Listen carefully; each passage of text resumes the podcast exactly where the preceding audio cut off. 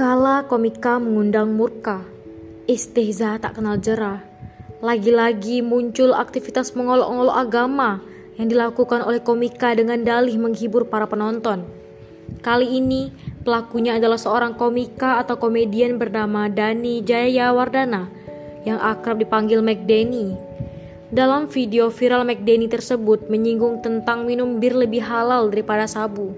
Tak sampai di situ, masih atas panggung ia menghina ulama Habib Rizik dengan kata-kata kasar sambil tertawa lepas dan terus berjoget.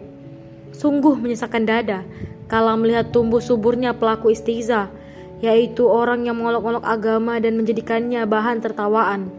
Anehnya, walaupun berulang kali menghina agama, mereka tak pernah terjerat hukum.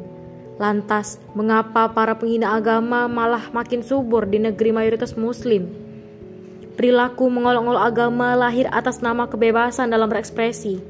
Para komika pun bebas membahas agama yang mereka anggap sebagai biang permasalahan. Inilah masyarakat sekuler yang tidak menjadikan agama sebagai pedoman hidup, sehingga atas nama seni, berbicara dan mengolok-olok agama adalah satu hal yang biasa. Para ulama berpendapat bahwa istiza adalah kekufuran yang membawa kepada kekafiran. Islam melarang dengan tegas mengolok-olok agama, baik dalam kondisi serius maupun bercanda. Hukuman atas mereka pelaku istiza adalah dibunuh. Syekhul Islam Ibnu Taimiyah berkata, Hukuman bagi penghina Allah Ta'ala jika ia muslim, maka wajib dibunuh menurut ijma. Karena perbuatannya menjadikannya kafir murtad dan kedudukannya lebih buruk dari orang kafir asli. Ibnu Taimiyah Syarimu Al-Maslul 226 ketika hukuman mati diberlakukan bagi para pencela agama. Tak akan ada lagi yang berani melecehkan agama.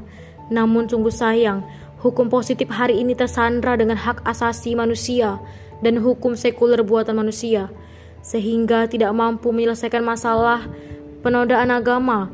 Berbeda dengan hukum sanksi di bawah payung sistem khilafah, akan sangat mampu menerapkan hukuman berat bagi para pencela agama.